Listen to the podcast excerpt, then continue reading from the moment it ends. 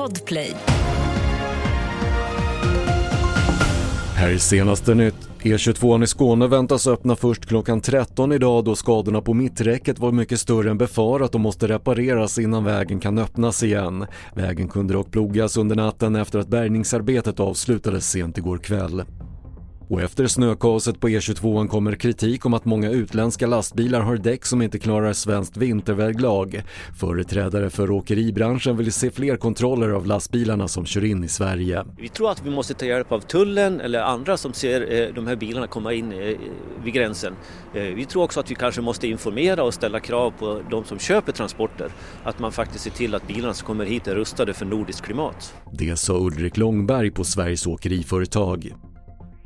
Och två personer, en man och en kvinna i 30-årsåldern greps i natt misstänkta för försök till mord efter att en man skadades allvarligt sent igår i Hageby i Norrköping. Enligt polisen misshandlades mannen med någon form av tillhygge. Fler nyheter hittar du på TV4.se. Jag heter Patrik Lindström.